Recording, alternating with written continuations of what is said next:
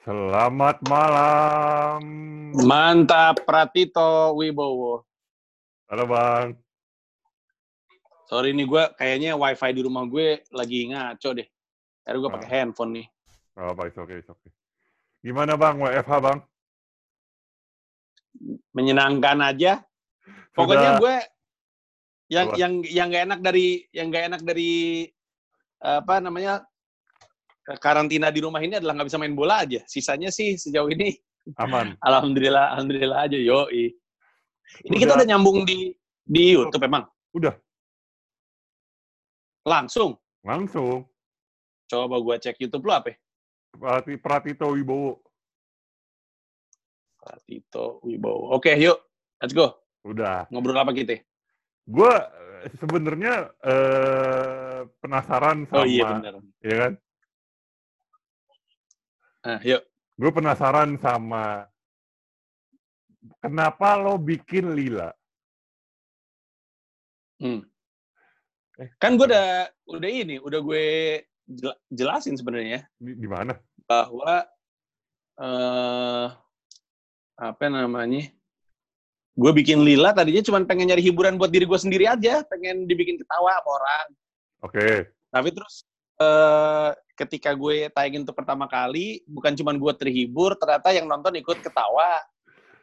Terus gue pikir karena yang nonton ketawa, gue ketawa, peserta happy, gue lanjutin. Terus gue bilang Ah. aja, pokoknya selama PSBB, gue bakal temenin lu. Terus eh, tiba-tiba PSBB nggak kelar-kelar, jadi aja gue lanjut sampai sekarang. Itu berarti emang berarti ha- berarti lo nggak nyangka bakal sampai dua bulan begini. sama sekali nggak nyangka tapi gue udah janji kan gue harus komitmen dengan janji gue gue bilang selama lockdown gue mau menghibur. Dan mungkin ini juga cara gue untuk bikin orang betah ya karena em, lu bisa bayangin gak sih lu nggak punya tontonan gitu nggak bisa nonton bola nggak bisa nonton apa-apa ya gue sediakan hiburan aja. Jadi gue konsisten setiap hari bikin beginian. Dan gue melihat lo adalah orang pertama yang melakukan ini. Kemudian lo di, di masa iya serius. Lo lo orang pertama di di masa PSBB yang melakukan hal ini. Lo akhirnya diikutin sama eh, Pak Ganjar, diikutin sama Stand Up Indo, diikutin sama Bari, sama sama siapa? Satu lagi, David ya. David ya Nah, dan dan banyak banyak banyak yang melakukan live eh, live IG dan akhirnya banyak yang melakukan live streaming session untuk eh, hiburan di masa PSBB. Dan Hmm. pertanyaan gue yang itu adalah eh, bisnis lo eh, bisnis lo ini bertahan untuk masa PSBB ini gimana bang? Gue gue penasaran sih sama itu. Dengan maksudnya dengan dengan lo membagi-bagikan tiket Komoy Demunoi dan digital download, apakah itu eh, bagian dari strategi atau memang udah kepalang tanggung aja udah udah terlanjur ngomong gitu? Em, yang mesti dipahami adalah eh, bisnis gua kan, jadi gue punya kantor memang, dan kantor gue ini kan ada tiga bisnis unit. Bisnis unit itu Oke. em, eh, ada Komika Management, itu adalah talent management. Kemudian ada Komika Entertainment, itu adalah promotor acara stand up. Kemudian ada Komika.id, itu adalah a platform stand up comedy digital. Nah, di Oke. antara tiga unit bisnis gue, yang justru oke eh, kinerjanya itu yang comika.id karena seperti bisa dibayangkan em, orang ketika lagi di lockdown, lagi PSBB, lagi nggak bisa ngapa-ngapain, pengennya nyari hiburan.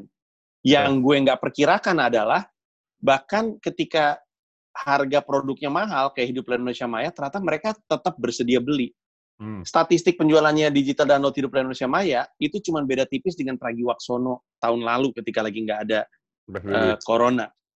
Iya nggak ada PSBB, nggak ada corona. Lebih tepatnya orang kan asumsinya ketika lagi corona duit lagi ditahan nih, makanya mereka Hmm. nggak melakukan pembelanjaan, makanya banyak bisnis yang eh, goyang. Iya. Tapi di gua walaupun harganya lebih mahal dan lebih mahalnya seratus ribu loh bedanya. Terakhir kan gue Pragiwaksono itu kan dua ratus ribu, yang ini tiga ratus ribu, beda seratus ribu, tapi penjualannya nggak terlalu jauh. Nah jadi em, kelihatannya saking orang suntuk banget atau mungkin stres, uh, mereka bersedia bayar mahal untuk ini. Jadi si Komika.id aman lah, dia jalan terus. Uh, hmm. Bahkan kemarin gue bisa ngobrol sama sama direkturnya si Comika.id, gue hmm. nanya nih dengan kondisi seperti ini, uh, kantor bisa bertahan sampai kapan? Bisa sampai Desember, kata gue. Ya, alhamdulillah, wow. berarti ada. Um, nah di satu lagi yang si komika uh, manajemen dan komika promotor, nah ini emang rada struggling harus diakuin karena kebanyakan talent gue kan stand up comedian, stand up comedian hmm. butuh panggung. Nah ini berarti talent-talent gue uh, sebaiknya tidak menunggu keadaan berbalik seperti dulu, mending ambil inisiatif untuk menyesuaikan diri. Dan itulah yang yang terjadi sekarang. Dalam konteks gue pribadi, gue sebagai talent di bawah talent management tersebut, bagian gue dari penyesuaiannya adalah dengan memperkuat aset gue, aset Instagram, aset Twitter, aset YouTube, aset TikTok. TikTok gue um, gue rutinin. TikTok. Terus uh, TikTok dong. Oh, Oke, okay. gue gue belum main TikTok sekarang. Nanti gue lihat. Mm -mm. Iya, TikTok itu um, uh, adalah anjurannya Gary V, Gary Vaynerchuk. Uh, okay. TikTok itu kan selalu diasumsikan sebagai platform yang alay banget. Tapi semua platform ketika masih awal juga isinya alay-alay. Lama-lama diisi sama orang-orang uh, yang tidak alay gitu. Dan itu yang terjadi di TikTok. Dan gue nggak mau terlambat masuk ke TikTok seperti gue terlambat masuk ke Instagram. Jadi gue masuk dari sekarang. Um, dan itulah yang gue lakukan. Jadi gue mencoba untuk memperkuat aset gue di Instagram, di, di, di Twitter, di YouTube. YouTube gue masih ngupload video setiap hari Instagram gue mulai bikin keramaian, Lila salah satunya, terus gue bikin video-video kolaborasi yang lucu-lucu, terus bikin hashtag Panji butuh barang, dan itulah yang gue gue minta laku, dilakukan sama talent-talent gue, makanya Bari juga ngelakuin, David juga ngelakuin, Gamila juga sebenarnya ngelakuin, uh, dan Awe juga ngelakuin. Nah untuk dan akhirnya um, resultnya adalah karena kelihatannya publik termasuk brand ngelihat gue aktif di sosial media, peluang-peluang untuk activation brand di sosial media jadi banyak masuk ke gue juga belakangan ini gue bikin eh, gue terlibat di launching produk terus banyak brand um, apa namanya ngundang gue jadi host talk show online. Hmm, ya, itu semua terjadi karena uh, uh, karena gue um, aktif melibatkan diri gue di sosmed um, uh, dan akhirnya peluang-peluang itu gue dapatkan. Di komika uh, promotor lebih pusing karena kan kita ngerjain acara off air promotor ini. Hmm. Akhirnya um, sekarang si Komika Entertainment lagi bikin sebuah solusi berupa bayangin virtual virtual venue. Sebuah virtual venue, venue di mana virtual venue. Bayangin kemarin waktu Komika Afterlife itu sebenarnya eksperimennya. Intinya adalah uh, kami sekarang akan menyediakan event online streaming berbayar. Tapi ini oh. platform sendiri, nggak nggak nggak pakai platform orang. Karena gue pikir kalau bisnis gue adalah acara stand up, maka wajarnya tuh gue ngembangin sendiri dan kami sedang mengembangkan. Moga-moga dalam waktu dekat gue bisa launching. Ketika launching, ini akan jadi produk yang gue yakini produk untuk masa depannya Komika Entertainment. Ada nggak ada corona, produk ini akan sangat kepake dan ini akan kami seriusin di masa depan. Jadi itu yang yang lagi gue kerjakan supaya kita tetap bisa agresif uh, dan bukan cuma bertahan supaya kita bisa menang di tahun 2020 ini. Gitu kan lebihnya. Oke. Okay. Tapi uh, eh, gue menarik sih tadi yang lo bilang yang virtual venue. Kan uh, bisnis hmm. lain ke hold nih. Menurut hmm. lo bakal bakal bakal ini gak sih bakal terpengaruh gak sih sama bisnis yang lain dengan uangnya terhold gitu? Guys. Um, sebenarnya ada beberapa bisnis yang kelihatan udah terdampak sih. Um, secara umum asumsi masyarakat adalah atau asumsi ahli ya adalah ketika produknya itu tidak dirasa sebagai produk uh, primer, hmm. orang pada nahan diri gitu. Salah satu yang terdampak konon ya, konon, tapi belum tentu belum tentu benar, tergantung tergantung entitas bisnisnya juga. Salah satu yang terdampak itu adalah um, pakaian, baju, kemudian uh, sepatu katanya. Uh, walaupun gue tahu ada beberapa uh, reseller yang tetap oke okay penjualannya, tapi secara umum penjualan baju sama penjualan sepatu tuh nggak seperti biasanya karena um, mereka nggak ngerasa ini sesuatu yang penting gitu. Tapi hiburan, hiburan digital kayak komedi atau konten YouTube atau konten Instagram atau bahkan acara online berbayar kayak Komika Komika Afterlife itu ternyata dianggap sebagai hal yang primer karena stres adalah sesuatu yang dirasain banyak orang. Kesehatan mental jadi penting untuk mereka, makanya mereka siap bayar gitu. Nah, jadi ada dampaknya. Kalau kalau lu cek banyak vendor um, uh, GoFood atau GrabFood juga menurun drastis sih gara-gara corona karena katanya orang lebih banyak masak di rumah gitu. Jadi ya, ya itu yang terjadi. Hmm, Oke. Okay. Berarti menarik juga. Berarti uh, apa si hiburan ini akan akan terus laku di kayak gini. Iya. Oke, lanjut. Bang, satu lagi gue penasaran nih. Ada satu yang gue penasaran. Apakah Komoy de Munai akan on time uh, untuk 10 kota sisanya? Perkiraan lo? On time? Yang, on time itu maksudnya apa? Yang on schedule. Kan 10 di pending nih. 10 di ke 2021. Yeah. Uh, hmm. dari dari lapangan yang gue lihat banyak kan uh, teman-teman gue juga akan jadi event kan Nah, event ini hmm. rata-rata di hold sampai Januari 2021. Event-event besar, hmm. eh event-event besar. Apakah di Jakarta atau di luar? Uh, nationwide Indonesia. Hmm. Uh, apakah ya. gue gue sebenarnya pengen nonton di Jogja karena bintang kan. Gue berharap hmm. banget ini on time karena waktunya juga pas. Gue masih bisa nabung sesuai kata lo kemarin. Cuman gue ya uh, banyak yang pesimis akan ini tour lo bakal uh, tour lo bakal mundur, bakal jadi tahun 2021 entirely. Menurut lo apakah akan terjadi atau akan tetap 10 aja yang ke pending? Sebenarnya jawabannya gue juga nggak tahu. Tapi yang orang mesti sadar adalah gue nggak punya alasan untuk mundurin karena patokan gue adalah anjuran pemerintah. Oh, okay. Selama anjuran yeah. pemerintah itu masih PSBB sampai dengan Mei, hmm. maka kenapa gue harus batalin yang di Desember kan gitu kan? Oh iya. Kan orang misalkan gue bilang nih, hmm. guys, uh, gue mesti undurin nih show gue nih dari Oktober sampai Desember gue batalin. Terus orang nanya kenapa? Terus gue bilang ya karena corona. Terus gue ditanya lagi patokannya apa? Gue nggak bisa jawab kan? Kalau sekarang kan gue bilang penyelenggaraan gue tuh patokannya tuh arahan pemerintah. Kalau pemerintah bilang PSBB sampai Mei, berarti acara gue Oktober dan Desember masih aman. Okay. Kalau misalkan pemerintah bilang PSBB sampai Oktober misalnya, hmm. berarti gue bisa jalan di Oktober dan seterusnya. Kalau misalkan pemerintah bilang PSBB sampai ke Desember, nah baru gue geser. Tapi oh. sebelum ada anjuran itu dari pemerintah, nggak ada arahan itu dari pemerintah, gue juga bingung alasan gue ngegeser apa gitu.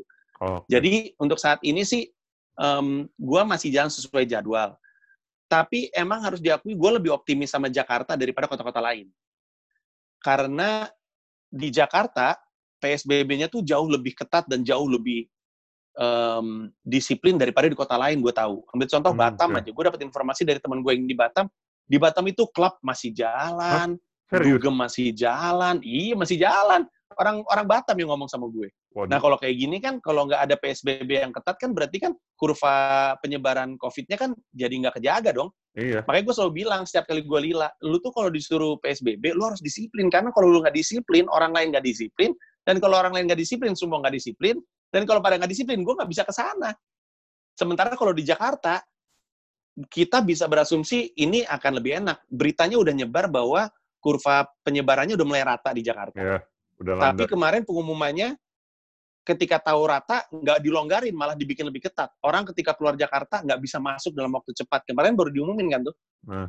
Eh, sama sama Anies dibilangin bahwa lu kalau mau ngotot pulang kampung walaupun dilarang ya silakan tapi asal lu tahu aja lu nggak bisa balik dalam waktu cepat.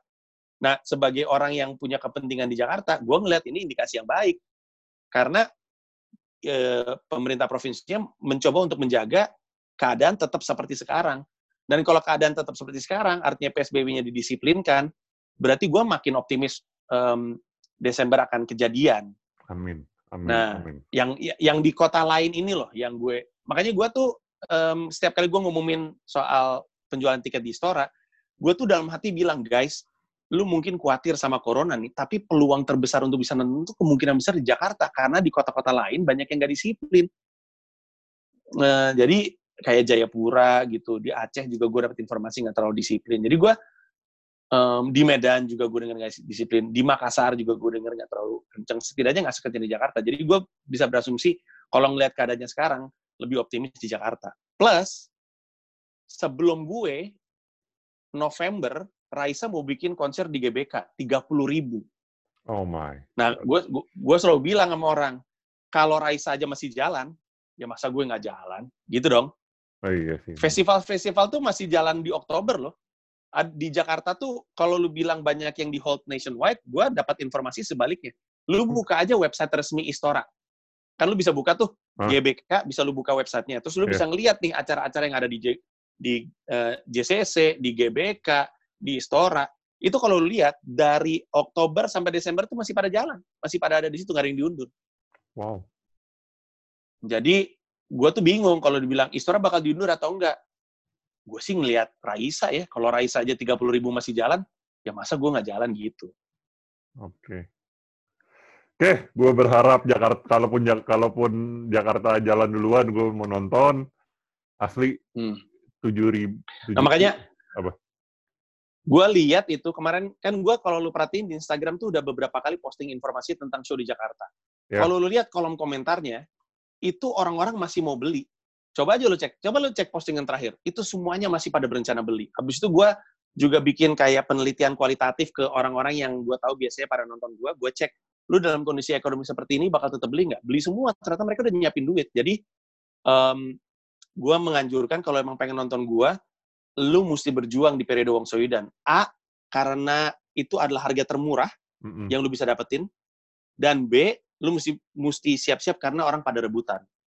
Iya.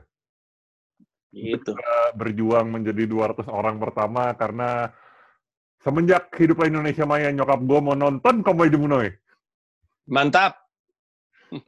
gue mau gue mau nonton bang asli gue karena karena nyokap gue udah lansia kan gue mau nggak mau masih dapat uh, comical lounge mau nggak mau nggak mungkin nyokap iya, gua betul. Karena itu- ditelantarkan. Betul, betul.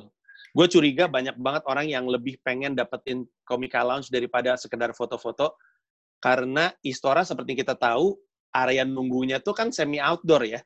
Iya. Jadi paling enak itu masuk Comica Lounge. 200 orang yang bisa masuk Comica Lounge tuh bener-bener duduk, ruang ber-AC, makanan, minuman, karya-karya gue dan merchandise gue berserakan. Emang paling enak sih. gratis Gratis, kan selalu. Oke Udah dari sejak zaman juru bicara. oke gue mau gue berusaha gue gue mau tiga tiket bodoh gue mau tiga tiket gue mau tiga Ya tiket udah, selamat. Selamat berjuang. 20 20 Juni ya? Betul, 20 Juni. Oke, 20 Juni gue berjuang. Eh, Bang. Oke, Hmm. untuk yang masalah bisnis selesai, jadi eh, plan lo jelas. Eh, gimana rumah lo menghadapi PSBB ini? Rumah? Ya, how you, gimana lo, Mbak Gamila, Dipo, Hira tuh menghadapi PSBB dua bulan di rumah tuh eh, responnya pada kayak gimana? Gue penasaran sih. Terus terang sih, kalau anak-anak nggak merasa ada masalah ya. Mereka seneng bener. Hah? Malah kalau diajak keluar rumah, males mereka. Serius? Iya, mereka mah seneng. Iya bener, mereka mah seneng di rumah, main game, nonton YouTube, gambar. Eh Shira bikin video gaming buat YouTube-nya. Mereka mah betah bener. Yang nggak betah ya gue sama Gamila palingan. Eh, Kenapa? dan eh, Kenapa kar- tuh? karena ya karena kita generasi-generasi gerak fisik dan generasi-generasi keluar rumah. Gue gue sebenarnya em, relatif betah tapi gue beneran kangen sama manggung di depan orang, kangen sama main bola, main basket. Itu tuh nggak ada substitusinya. Oh iya. manggung di Lila atau manggung di Comika Afterlife tuh beda sama stand up secara fisik gitu. Jadi gue sih nggak sabar pengen pengen pengen jalan gitu. Makanya dan dan di rumah sih emang udah di jadi di rumah gue tuh sekarang ada area di mana semuanya itu harus di di disemprot disemprot bersih-bersih dulu di situ baru bisa masuk. Kayak semua barang kiriman harus di diam di situ disemprotin dulu baru bisa masuk. Kalau gua keluar rumah, gua harus buka baju dulu di situ, ganti sama baju yang udah gue siapin baru bisa masuk. Kalau enggak nanti gue takut bawa bawa kuman ke dalam rumah itu itulah situasi yang sekarang di rumah. Oke. Jadi lo menghadapinya dengan oke-oke aja sebenarnya ya? Ya, ya, ya oke. gue bahkan agak ini, agak ngerasa ada berkahnya juga karena gue gila gue ini liburan bukan, tapi gue bisa menghabiskan hari-hari gue setiap hari bersama anak-anak. Itu berkah tuh. Setiap hari gue bisa makan bareng sama keluarga gue, itu berkah itu. Um, gue kemarin habis uh, nggak sengaja ya ngebuka WhatsAppan antara gue sama Shira. Hmm? Udah lama sekali terakhir kali Shira minta gue pulang cepet. Biasanya setiap hari tuh Shira selalu WhatsApp, ayah kapan pulang, ayah pulang, nggak bisa tidur, nggak ada ayah. Sekarang nggak pernah lagi kayak gitu karena gue di rumah terus Tuh si Shira nyaut tuh. Apa Shira? Eh, hai Shira. Gak apa-apa, I miss you. I love you. Di bawah dia. Oh. Bang, hmm. gue baru baca komen. Seumpama konser Raisa pada kena COVID, terus lo jalanin lagi, terus lo jalan aja gitu. Ini Anjar Novianto nih sekolahnya sampai level apa nih? Pertanyaannya nggak perlu dijawab. Kan tadi gue bilang, Anjar Novianto kan tadi gue bilang, gue menyelenggarakan mengikuti anjuran pemerintah. Sekarang kita mikir logis aja. Kalau orang pulang dari Raisa pada kena corona, ya masa masih dapat izin kan bikin acara harus dapat izin dong. Iya. Iya dong. Nah izin kan datang dari pemangku kepentingannya itu pemerintah atau pemerintah daerah atau pemerintah provinsi. Ya berarti kan kalau bisa ada kayak gitu ya pasti diundur. Cuman kalau itu tidak ada, kan tadi kan kita bahas gitu. Kalau nggak ada indikasi itu, izin ada, kenapa gue mesti diundur? Kan gitu. Iya. tapi kalau misalkan izin tidak ada ya berarti mesti diundur. Segitu aja sederhana. Ya Allah. Ini contoh orang-orang yang nonton lila tapi nggak ngikutin itu nggak ngikutin syarat. Kagak. Kagak kebanyakan orang ini tuh gue merhatiin ada kecenderungan di sosmed. Kan kita tahu ini tahu pepatah malu bertanya sesat di jalan yeah. itu pepatah tuh tapi sekarang gue selalu lanjutin, malu bertanya sesat di jalan, kebanyakan nanya, miskin kemandirian. Zaman sekarang tuh orang cenderung terlalu mudah nanya ketimbang mikir. Padahal kalau dia mikir atau dia teliti dikit, mungkin dia nggak perlu nanya. Contoh, ada orang nih, Bang, gimana nih gue mau beli tiket udah kehabisan. Hah? Mau beli tiket apaan lu? Tiket nonton di Istora Senayan Jakarta. Gimana caranya bang gue bisa beli? Coba lu lihat lagi baik-baik websitenya itu tanggal berapa penjualan tiketnya. Terus dia bilang, oh iya bang, salah bang, gue baru lihat tanggal 20 Juni. Uh, atau gue posting informasi di Instagram, penjualan tiket dibuka tanggal 20 Juni, ntar ada yang nanya lagi, bang, kapan penjualan tiket? Itu tuh namanya tuh kebanyakan nanya miskin kemandirian. Sebelum dia nanya, mending dia mikir dulu dan dia teliti baik-baik. Kalau dia pikir dan teliti baik-baik, mungkin dia nggak akan nanya. Itu kalau di beat lo, gue lupa di mana. Goblok B-nya 6, K-nya 18. Mesake bangsaku itu kalau gue nggak salah. Gue digital download cuman belum ada juru bicara sama Pargi Waksono. Belum bisa beli. Sikat dong bro. Sabar bang, gaji gue habis untuk yang lain ditahan dulu ntar. Bagus, bagus. Eh itu yang tim tim apa? Yang tim dokumentasi gue pengen ikutan tapi belum belum ngumpulin si belum ngumpulin portofolio gue. Itu sistemnya gimana ya sih, udah. Nah, maksudnya sistemnya akan apakah akan semua ngikut lo keseharian apa gimana gitu? Bisa, tergantung uh, filmmakernya. Setelah dipilih, tentu kita akan meeting bareng. Hmm. Terus gue akan nanya sama dia, lo mau bikin filmnya angle-nya seperti apa? Okay. Uh, eh, narasinya seperti apa? Kemudian chapter-chapternya kurang lebihnya seperti apa? Dan untuk itu um, berarti kebutuhan lo apa. Kalau misalkan lo pengen nempel gue setiap hari, ayo samperin aja gue ke rumah. Gue akan buka aksesnya. Tapi tentunya um, harus bersih ya Anda masuk rumah saya dalam masa corona. Kalau nggak, atau mungkin lu cuma bisa di depan rumah aja. Lu, lu uh, siapa pun itu akan gue libatkan dalam meetingnya, jadi mereka bisa ngeliat seperti apa prosesnya, seperti apa gue ketika lagi uh, mimpin rapat, terus mereka bisa nanya apa pun, mereka bisa punya akses sama siapa pun. Misalnya mereka bilang, bang, gue butuh untuk wawancara uh, opener-opener lu. Oh ya silakan, gue kasih kontaknya. Bang, gue perlu wawancara tim lu. Ya udah, boleh silakan. Yang penting um, di, di, dijelasin dulu konsepnya seperti apa, biar kita ada bayangan kebutuhannya seperti apa. Hmm. Nah nanti setelah selesai turnya uh, dan dia udah selesai, nanti dia akan edit, produk hasil akhirnya dikasih ke gue, kemudian dia akan dibayar sesuai dengan kesepakatan. Oke. Lo butuh berapa orang sih? Oh, bukan gue yang nentuin, pasti orangnya yang nentuin. Oh, oke. Okay. Gue kira tuh kayak. Tapi yang pasti, nggak mungkin cuma dua orang karena Atau kalau misalnya tim. dia bilang dia ya harus satu tim karena kalau misalnya satu orang bilang timnya cuma dua orang gue bisa kebayang ah ini mah outputnya biasa-biasa aja ini kan dokumenternya dokumenter buat gue harus bagus gitu. Nggak bisa kayak cuman sekedar video video biasa gitu. Karena kalau cuma dua orang berarti satu film apa videografernya kameramennya dan satu direkturnya atau yang ngedit siapa? Yang ngerjain grafis siapa? Orang soundnya siapa? Kalau semuanya dirangkap-rangkap sama satu orang wah ini mah kebayang jelek gitu. Oh, sistemnya gitu. Gue kira sistemnya itu dari banyak yang submit, lo ambil-ambilin jadi bisa jadi lo jadiin satu tim. Gue kira gitu. ya nggak mungkin dong. Pasti nggak bisa kerja bareng. Satu orang yang submit pasti udah bawa tim. Nah satu Oh, orang yang submit oke. itu yang gue pilih sama timnya. Oh, Oke, kalau gitu gue gak jadi ikut karena gue gak punya tim. nah iya jangan. Ada orang pengen dirinya sendiri. Bang saya bang gitu. Sama ya udah lu kasih tau tim enggak saya sendiri. Ya lu nggak akan gue pilih. Lu jelek lu pasti kalau sendirian Iya, gue tahu. Gue belajar, gue belajar dari yang sebelumnya. Satu satu orang itu sangat amat sulit. iyalah Gue sama gue sama Roy aja timnya berlima itu masih masih susah loh. Iya. Apalagi ini tour ya, jadi em, dia akan nempel gua setiap hari. Habis itu, masa dia nggak punya nggak punya ke- kepentingan lain? Nanti kalau misalkan gue mesti ngelakuin sesuatu terus dia nggak ada karena kepentingan lain, nggak ada yang ngelapis karena dia Nah. sendirian. Nggak, Iya, mungkin, nggak masuk akal. nggak masuk akal. Susah. Oke. Bang, terima kasih banyak atas waktunya. Semua Sama-sama. semua gua semua pertanyaan gue sudah terjawab.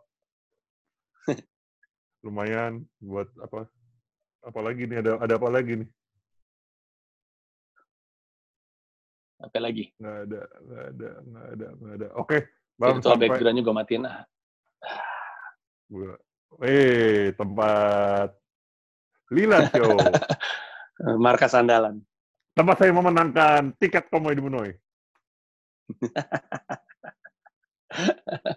itu gue yakin menang sih by the way waktu itu tuh ah, nih beat gue lucu nih menang